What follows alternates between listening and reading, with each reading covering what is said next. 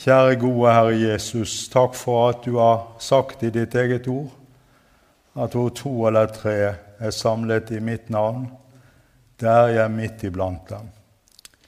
Nå vil vi tro at når du har sagt det, så holder du det.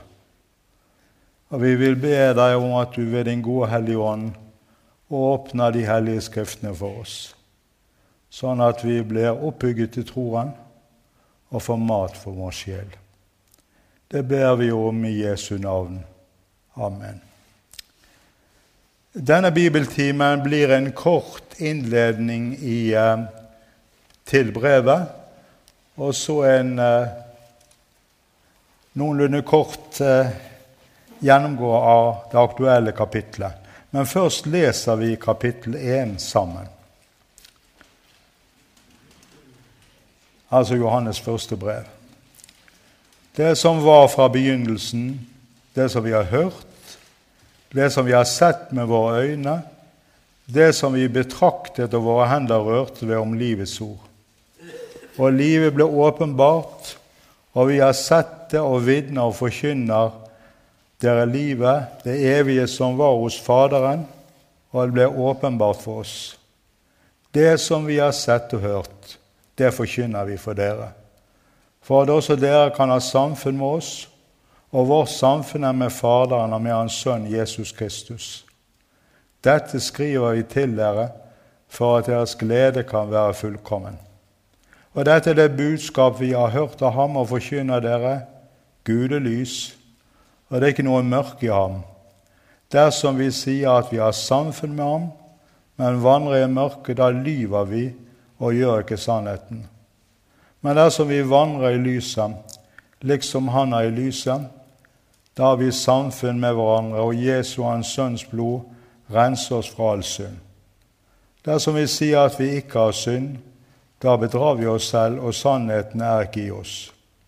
Dersom vi bekjenner våre synder, er Han trofast og rettferdig, så Han forlater oss syndene og renser oss fra all urettferdighet. Dersom vi sier at vi ikke har syndet, så gjør vi ham til en løgner, og hans ord er ikke i oss. En vesentlig del av den nytestamentlige skriftsamling, som kjent består av brev, nærmere bestemt av apostoliske brev, i hvert fall hovedsaken av de. Det er karakteristisk for de fleste av disse brevene at de har navnet på en avsender som presenterer seg selv i begynnelsen av brevet, og dernest på brevets adressater, slik som det var vanlig ved brevskrivning eller ved skrivning av dokumenter i oldtiden. Og Slik finner vi eksempler på det f.eks. i apostelen Paulus' brev til menighet i Rom eller til menighet i Galatia. Ingen trengte altså å være i minste tvil om hvem som hadde skrevet disse brevene, eller hvem de var adressert til. I det brevet vi skal prøve å begynne å gjennomgå i kveld, først med en kort innledning altså, finner vi imidlertid verken navn på brevets avsender eller adressat. Også i vår norske Nytestamente, som overalt ellers i Den kristne kirke, har brevet fått navnet Første Johannes brev, men verken brevets avsender eller adressat finner vi i dette brevets greske grunntekst. Det gjør at to spørsmål naturlig dukker opp i forbindelse med en innledning til brevet, nemlig disse to. Hvem har skrevet dette innholdsrike brevet, som er så rik på kristen teologi og oppbyggelse i troen? Og hvem er det egentlig adressert til? Og vi føyer også til et tredje spørsmål når tid ble det skrevet? På tross av at vi altså ikke finner svar på noen av disse spørsmålene i selve brevet, er vi ikke uten holdepunkter når det gjelder de aktuelle spørsmål, og få svar på dem. Vi finner dem utvilsomt i det som kalles de indre og ytre vitnesbyrd om brevet. La oss begynne med det indre vitnesbyrdet, som vi finner altså i selve brevet. Allerede i brevets innledning skjønner vi at brevet må være skrevet av et øyenvitne til Jesus Kristus, til hans forkynnelse og til hans frelsesgjerning. Brevet begynner jo, som vi nettopp har lest og hørt, med følgende ord det som var fra begynnelsen. Det som vi har hørt, det som vi har sett med våre øyne, det som vi betraktet og våre hender rørte ved, om livets ord, det forkynner vi for dere. Altså helt utvilsomt et øyenvitne. For det andre må brevets avsender være en kjent person for leserne, en med en åndelig lederstilling i den kristne kirkelige menighet. At vi tenker slik om han synes å klart fram av brevets forfatter kaller sine lesere for 'mine barn' eller 'mine kjære' eller 'dere unge'. Og slik er det uten tvil en åndelig leder i Kirken med et nært og varmt forhold til sine lesere, med stor autoritet som kan uttrykke seg. Hvis vi så begynner å sammenligne 1. Johannesbrev med Johannes evangelium, som helt fra kirkens første tid har vært ansatt som et evangelieskrift som er skrevet av apostelen Johannes, så kan vi ikke unngå å oppdage den iøynefallende likhet det er mellom disse to skriftene i Det nye testamentet. Det gjelder både Skriftets og innhold og tankeføring, f.eks. i evangeliet og brevets begynnelse. I evangeliet står det i begynnelsen var Ordet. Ordet var hos Gud, og Ordet var Gud. Og i brevet det som var fra begynnelsen, det som vi har hørt det som vi har sett med våre øyne. La oss også merke oss at i begge disse nytestamentlige skriftene er det ordet eller logos som allerede i Skriftenes begynnelse er sentrum, og holder denne sentrale plassen med uforminsket klarhet og styrke fra brevenes begynnelse til brevenes slutt. Både i evangeliet og brevet brukes følgende antitetiske sammenligningsstilling, som er så karakteristisk for Skriftets innhold og budskap, dvs. Si lys eller mørke, sannhet eller løgn, kjærlighet eller hat, uttrykk å bli ham, altså Jesus Kristus, eller ikke å bli ham. Aldri noe midt imellom. Alltid det ene eller det andre. Og det er meget karakteristisk for den som kjenner apostelen Johannes' person, og som den som kjenner hans forkynnelse og hans sjelesorg. Alt det vi nå har nevnt fra den norske bibeloversettelse, er ifølge en kjent bibeltolker et indisium på at 1. Johannes brev utvilsomt må være skrevet av apostelen Johannes. Når det gjelder de ytre vitnesbyrd om hvem som er brevets forfatter, finner vi helt for oldtiden, altså fra Kirkens første tid, et nærmest enstemmig vitnesbyrd i Kirken overalt at dette lille skriftet, sammen med to andre brev, er skrevet av apostelen Johannes.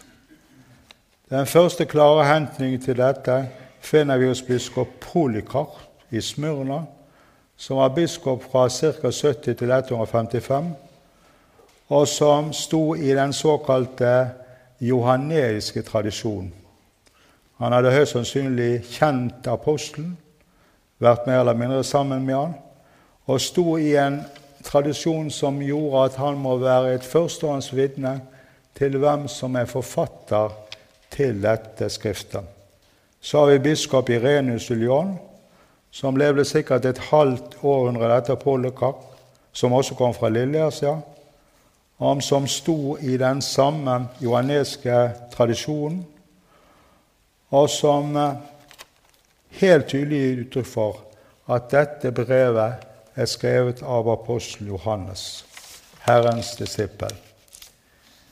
Mye flere ting kunne vært nevnt i den sammenheng, men vi får begrense det til det det at man problematiserer apostelen Johannes som eh, brevets forfatter, det er en helt ny oppfinnelse fra den, de siste århundrene. var helt ukjent i oldtiden. Det var ikke inne i bildet i det hele tatt. Det er absolutt ingen som problematiserer Johannes som forfatter til brevet. Det kan være godt å vite det. Men så til vårt andre spørsmål angående 1. Johannes brev. Hvem var dette apostelbrevet skrevet og sendt til? Også her må vi ta Kirkens historie eller tradisjon til hjelp.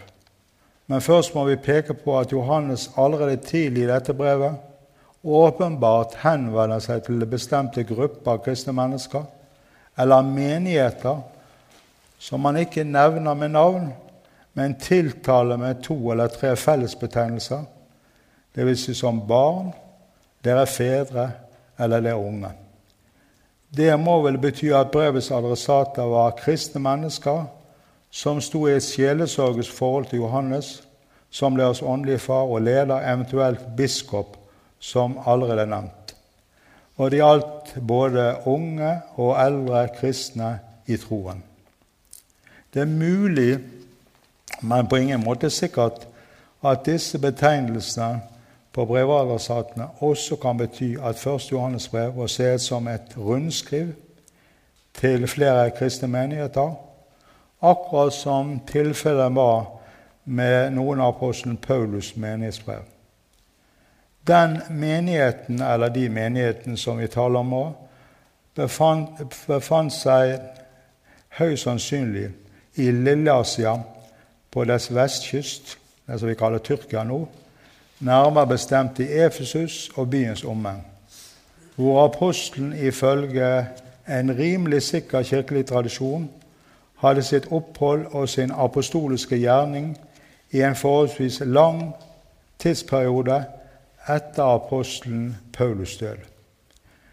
Dette stemmer godt med at Johannes i begynnelsen av Johannes' åpenbaring, som tydelig bærer apostelens signatur, sendte syv sendebrev eller menighetsbrev til menighetene eller menigheter i denne del av Lilleasia. Apostelen Johannes ble også ifølge samme kirkelige tradisjon som allerede nevnt, en meget gammel mann. Det antas at han levde helt inn i keiser Trajans regjeringstid, som varte fra ca. år 98 til år 117 etter Kristus, og at apostlene ble nesten 100 år. Det er derfor godt mulig at han har skrevet første Johannes brev fra Efsus på slutten av det første århundret og helt på slutten av sitt eget liv. Og så til selve brevet, eller brevets tekst og innhold. Første Johannes brev er blitt betegnet og sikret med full rett både som et dogmatisk kampskrift og et etisk formaneskrift. Det blitt sagt at apostlene her kjemper på en dobbel front, dvs. Si både for den rette lære og for rette liv. Til det kan vi trygt føye til, ikke minst gjennom lesning og studium av 1. Johannes brev, at den kristne lære og det kristne liv hører uløselig sammen hos apostelen Paulus, slik at det ene umulig kan tenkes uten det annet. Det betyr at kristen lære og liv aldri spilles ut mot hverandre hos apostelen, men er troens og livets hele, som ikke kan skilles uten at kristentroen og kristelivet perverteres eller å gå tapt. Allerede helt i begynnelsen av sitt brev ga apostelen Johannes rett på sak. Dvs. Si retta lesernes hele blikk og oppmerksomhet mot Han som er kilden og sentrum, sentrum for alt som er rett rette kalles kristen tro og kristens liv, dvs. Si Jesus Kristus. Han begynner med Jesus med en gang, og vi kan med rette si at han, han holder på med Jesus hele tiden. Ingen av leserne trenger å være i minste tvil om hva som er sann apostolisk kristendom etter å ha lest 1. Johannes brev. Apostelen begynner sitt brev med en glad troens proklamasjon om hvem Jesus er. Det er det tydeligvis ikke rom for uvisshet og spekulasjon hos apostlene, men bare for glad og frimodig trosvisshet forankret i den apostoliske forkynnelse og det apostoliske vitnesbyrd om Jesus. Apostelen skriver det som var fra begynnelsen, det som vi har hørt, det som vi har sett med våre øyne, det som vi betraktet og våre hender rørte ved, om livets ord, det vitner og forkynner vi for dere. Legg dere noe dobbelt hos Johannes. Hans forkynnelse er alltid vitnesbyrd, og hans vitnesbyrd er alltid forkynnelse. Og sentrum av hjertet i alt sammen er Jesus. Vi kunne nesten få klargjøre det meget sterkt Jesus alene. Den som er fortrolig med Bibelens ord og innhold, både fra Det gamle og Det nye testamentet, kan ikke unngå gjennom disse apostelordene å få sitt blikk og sin oppmerksomhet rettet både mot begynnelsen av Første Mosbok og Johannes evangelium. I det første skriftet står det som kjent i begynnelsen skapte Gud himmelen og jorden, og i det siste i begynnelsen var Ordet, Ordet var Gud og Ordet var Gud. På spørsmålet 'Hvem er Jesus?' har apostelen ett eneste svar, meget klart. Jesus er den Gud som var fra begynnelsen. Hva betyr det? At Jesus Kristus er ett med den Gud som skapte himmel og jord, alt synlig, alt usynlig. At han er av samme vesen som denne Gud, at han er uskapt og før alle ting, at han er fra evighet av, uten noen begynnelse, akkurat som Gud Fader. Det er det teologene kaller Jesu preeksistens. Det er at han aldri på noe tidspunkt ble til på samme måte som vi kan si om et hvilket som helst annet menneske. Han var fra evighet. Han var og er den evige Gud. Det som er svært viktig for apostelen allerede i begynnelsen av brevet, er å framholde og understreke at denne forkynnelse og dette vitnesbyrdet om Jesus fra apostelen ikke har sin grunn i en indre visjon eller en eller annen, men i det som han sammen med de øvrige apostler, som også er øyenvitner, har sett med sine egne øyne, hørt med sine egne ører, og det han har rørt ved eller følt på. Det er som apostelen med alle disse uttrykkene og ordene vil si at en ånd eller en visjon kan jo ikke bli betraktet eller røre. Men det kan vi med et menneske av kjøtt og blod, som samtidig er sann Gud, og ble åpenbart for oss. Nettopp dette er om Jesus.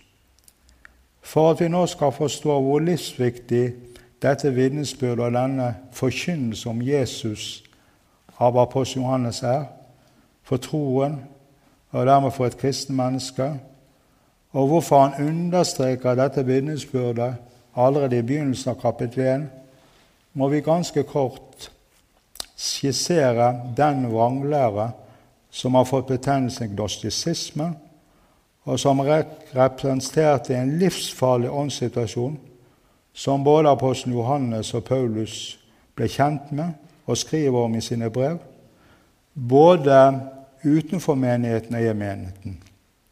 Det var en meget farlig vranglære som angrep og anfektet det mest sentrale i den kristne tro. Hvis den virkelig hadde fått terreng i menigheten, så var det slutt med alt som i hvert fall kalles apostolisk og sann kristendom. Gnostisismen er knyttet særlig til en mann ved navn Kerint, han var en jødisk kristen som bodde opprinnelig i Egypt, men kom til Lilleasia, og han traff Johannes. De gamle kirkefedrene forteller om flere skarpe sammenstøt mellom Johannes og Korint. Jeg kan bare i, i, eh, i, en liten parentes fortelle at Johannes skulle en dag gå i et av de offentlige bad i Korint. En apostel må jo også bade med jevne mellomrom. Og I badet fant altså, møtte møtte altså Johannes Kerint. Eller han ble oppmerksom på at Kerint var der. Han ble altså så opprørt at han flyktet ut av badet, forhåpentligvis påklemt. Han ville ikke lenger være i badet når en mann som Kerint var der oppholdt seg. Det sier noe om hans nikjærhet for den rette lære, og det sier noe om hans nikjærhet og kjærlighet til sannheten. Krint lærte at Det gamle testamentets Gud, det som vi av og til kaller Javé, eller han som vi av og til kaller Javé, verdens skaper, ikke var den første Gud, men var overhodet og var lavere englemakter. Om Jesus lærte han at han kun var Josef og Marias sønn. Ved dåpen kom den himmelske Kristus, dvs. Si den egentlige verdens frelser, og tok bolig i ham. Det var denne himmelske Kristus som satte han i stand til å forkynne Faderen. Før lidelsen forlot så igjen den himmelske Kristus den historiske Jesus. For et himmelsk vesen kunne ikke lide og død ifølge gnostisismen. Det betydde at det ikke var Guds sønn ifølge gnostisismen som led og døde på korset, men det var kun mennesket Jesus som gjorde dette, som bare var menneske og ikke noe annet. Korint skiller altså mellom det jordiske og historiske mennesket Jesus og den himmelske, evige Kristus.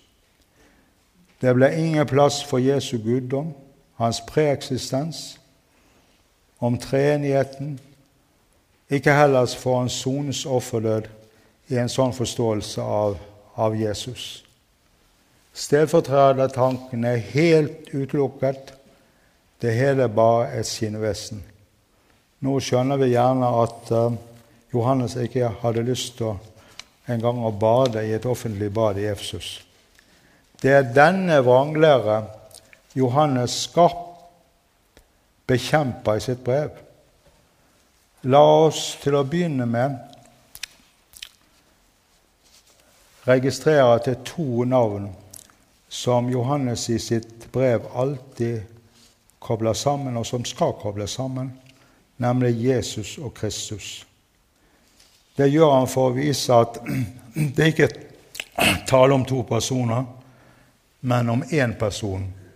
Gud, menneske, Jesus Kristus.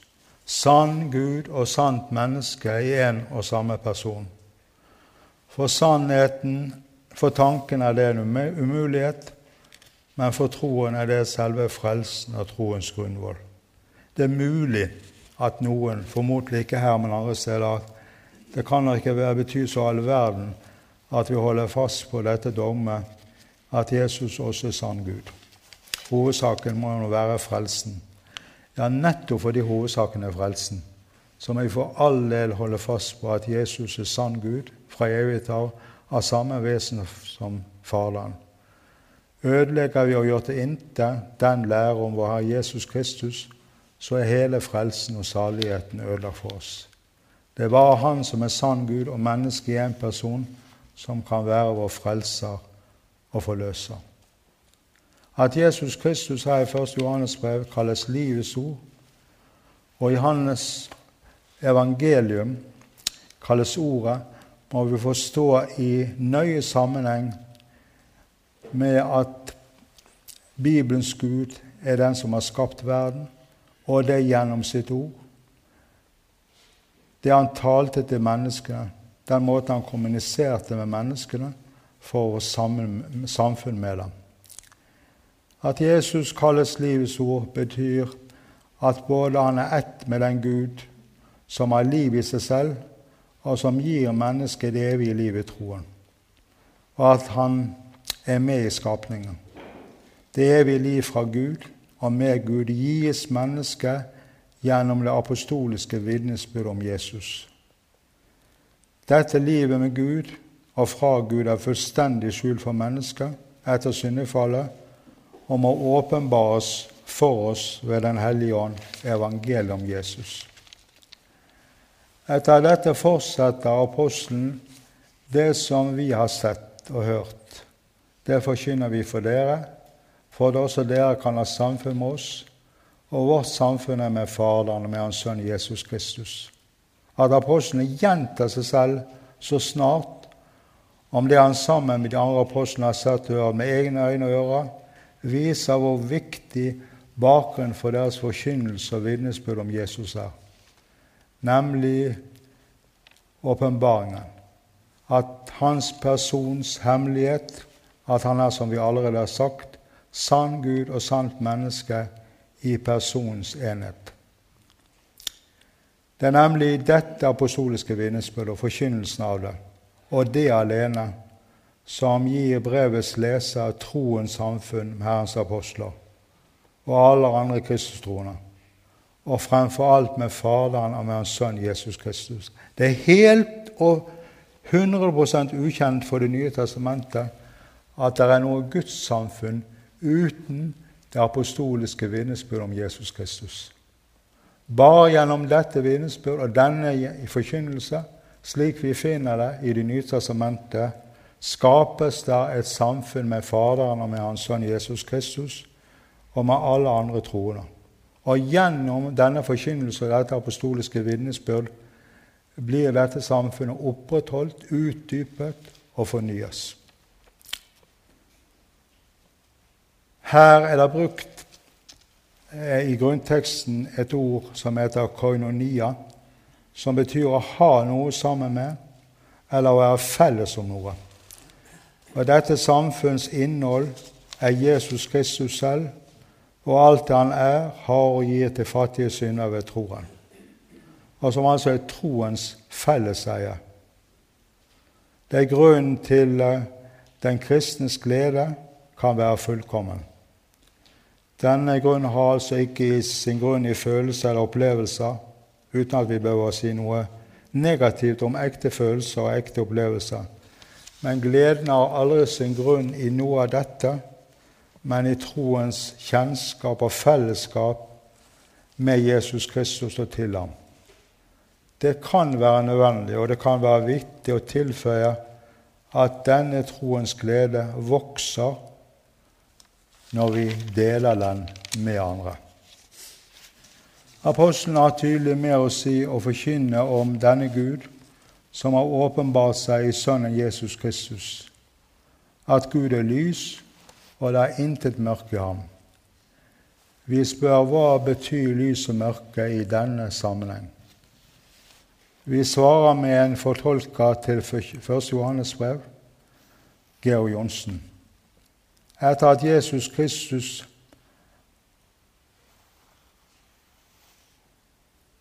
er kommet inn i verden som verdens lys, er sannheten om Gud blitt åpenbar, blitt lysende klar.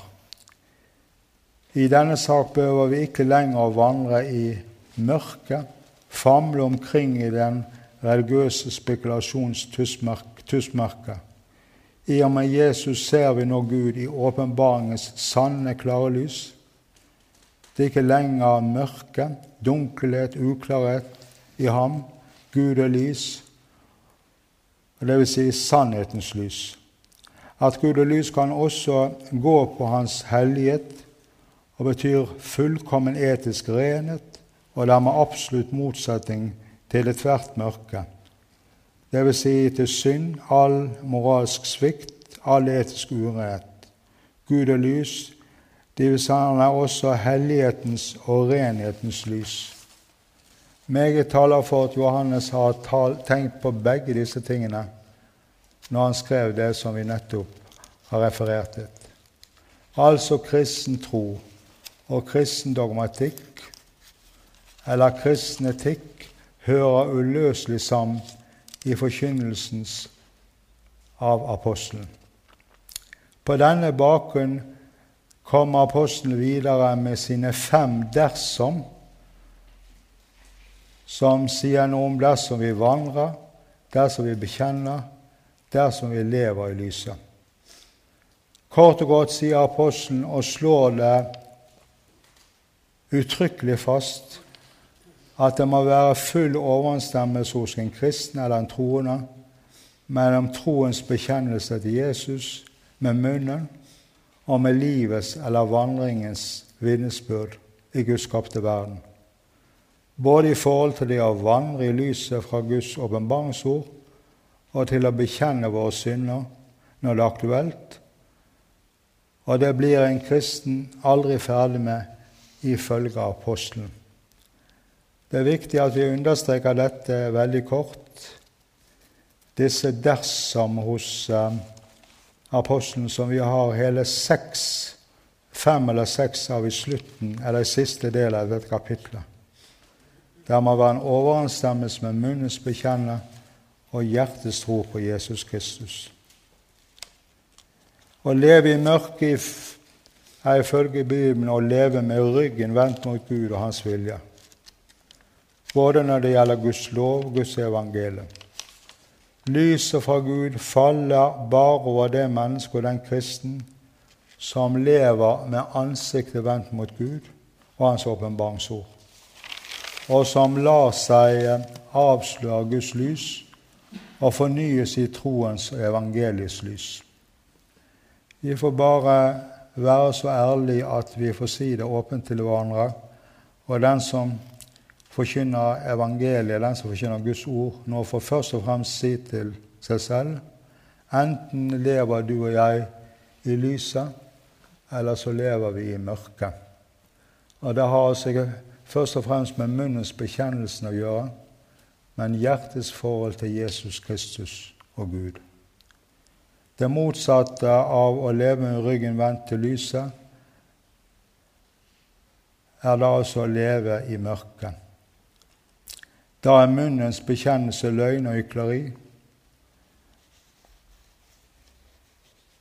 Og vi gjør ikke sannheten for Gud.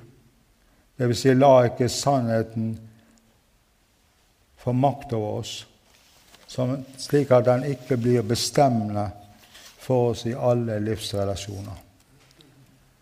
Det motsatte av å vandre i mørket er altså å vandre i lyset liksom han er i lyset. Jesus er verdens lys. Og noe av det aller innerste i troens liv med Jesus er å leve for Hans ansikt med alle ting. Aldri skjule noe for Herren, men utlevere det restløst i Hans åsyns lys. Det er dette som skaper og opprettholder samfunnet med Jesus, og som skaper og opprettholder de troendes samfunn, de hellige samfunn. Det motsatte i også i denne samfunnet, altså mørket. Og det som, er det det som skader de troendes samfunn uten at det blir omvendelse og nytt liv. Vandre en kristen i lyset, og uten det er Vandre en kristen ikke i lyset, og uten det, det går det ikke egentlig an å være en kristen, så renser Jesu Hans Sønns blod ikke for en eneste synd. Men vandrer jeg virkelig, lever jeg for Guds ansikt med alt, så renser blodet for hans synd. Legg nøye merke til apostelen sier at Jesu, Hans Sønns blod, renser oss fra all synd. Det må jo også bety den synd som vi ikke ennå har fått seier over, men fremdeles lider nederlag over. Blir uavlatelig renset i Jesu blod, så sant vi bekjenner synden for Herren. Det er jo noe som kanskje en prest med jevne, spesielt kanskje en menighetsprest, opplever i sjelesorgens rom gang etter gang. Det kan være unge kristne, men det kan også være eldre kristne. At det som er mitt problem, sier de til presten, det er det at jeg får ikke seier over denne synden. Det sies kanskje i vitnesbyrd og i um, forkynnelse at andre har fått seier. Jeg får ikke seier. Jeg går til Jesus, men jeg får ikke seier. Da er det veldig viktig for oss å si at Jesu, Hans Sønns blod, renser også fra synd som vi ennå ikke har fått seier over, så sant vi lever i lyset med vår synd. At Jesu, Hans Sønns blod, har en slik rensende kraft fra Gud, kommer av at dette er blodet fra Guds lam, fra stedfortrederen, fra forsoneren for hjelpeløse syndere. Rent følelsesmessig, og kanskje også rent intellektuelt, så har vi noen ganger vanskelig for å forstå at Jesu, Hans Sønns blod, renser fra all synd.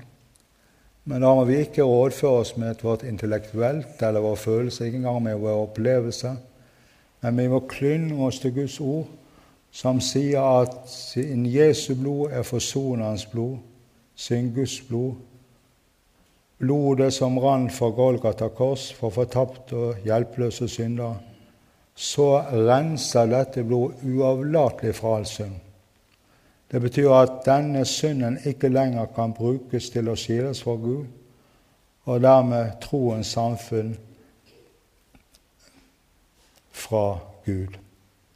Så kommer et nytt dersom. Dersom vi sier at vi ikke har synd, da bare bedrar vi oss selv, og sannheten er ikke i oss. Men det er vel ingen kristen som gjør, vil noen innvende. Jo, dessverre. Både på aposteltiden og i vår tid er det virkelig noen som nekter for dette. Bakgrunnen for at apostelen kan skrive slik, var nok at en bestemt syndefrihetslære hadde sneket seg inn blant kristne, muligens også denne vranglæren gjennom gnostisismen.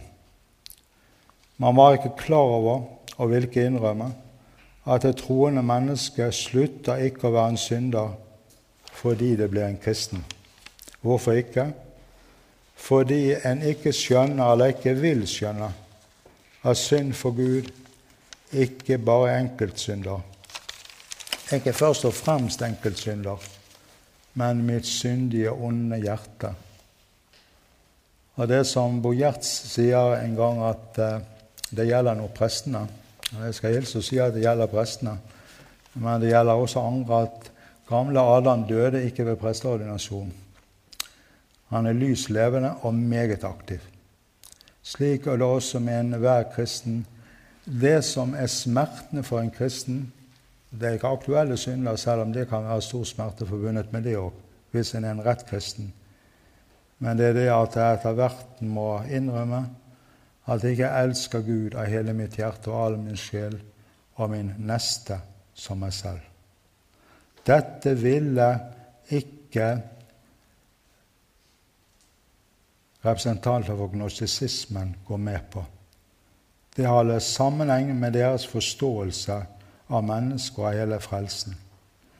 Det som er det mest alvorlige i denne sammenheng, det er at hvis vi nekter det bildet og den sannhet som Det nye testamentet og den apostoliske forkynnelse gir oss, så får vi i virkeligheten ikke lenger bruk for Jesus. Vi får ikke bruk for synderes venn. Vi får ikke bruk for syndernes forlatelse. Eller slik som en norsk misjonær sa det så konsist Slutter du å være en synder, slutter Jesus å være en frelser. Med en gang du slutter å være en synder, så slutter Jesus å være en frelser hvis du fortsetter i den gaten. I så fall bedrar en kristen seg selv, dvs. Si lurer seg selv, og sannheten om et kristenmenneske er ikke lenger i ham eller henne, men en kristen er på veien i mørket og frafallet fra Herren. Enda et nytt dersom.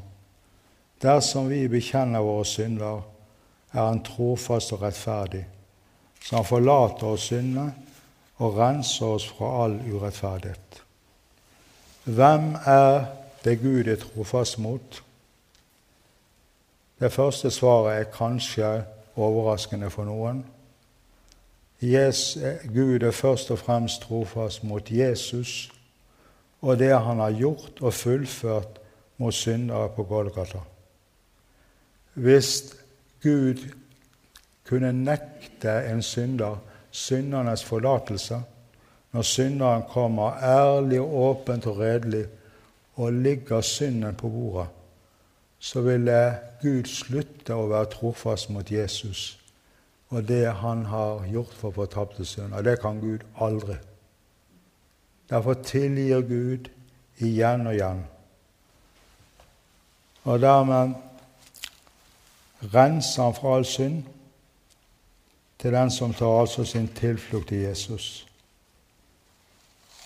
Hvordan kan den hellige og rettferdige Gud være hellig og rettferdig når han tilgir synd uavlatelig og til og med synd som synderen ennå ikke har fått seier over. Ja, Det er i hvert fall ikke fordi Gud ser gjennom fingrene med synd eller bagatelliserer den. Det verken kan eller vil den hellige og rettferdige Gud, og ingen visste det bedre enn apostelen Johannes. Men hva er der grunn til Guds nådefulle hjerne med synderen? At han vet og aldri glemmer at han er rettferdig når han tilgir synderen på grunn av Jesus. Ikke på grunn av bekjennelsen, hvor viktig den er. Ikke på grunn av angeren, hvor viktig den er. Ikke av sønderknuselsen, ikke av omvendingen. Det er bare én grunn til at han tilgir og tilgir igjen, og den heter Jesu og soningens blod fra stedet på korset. Ja, både kan han være rettferdig når han tilgir synderen, og vil han være det. Dermed renser Gud synderen ikke for å være en synder, men for all rett urettferdighet som kan brukes som anklage mot ham. I det siste dersom gjentar apostelen i hovedsak det han allerede har sagt og skrevet. Men hovedsaken er Jesu, Hans Sønns blod, renser oss fra all synd. I det budskap og i den overbevisning gjennom evangeliet og Den hellige ånd spirer også en sann helliggjørelse frem. Akkurat som Jesus er min rettferdighet, så er han også min helliggjørelse. Kjære gode Herre, velsign det lille som er sagt, og bli, ja, det blir til hjelp og oppmuntring for noen. Det ber vi om i ditt eget navn. Amen.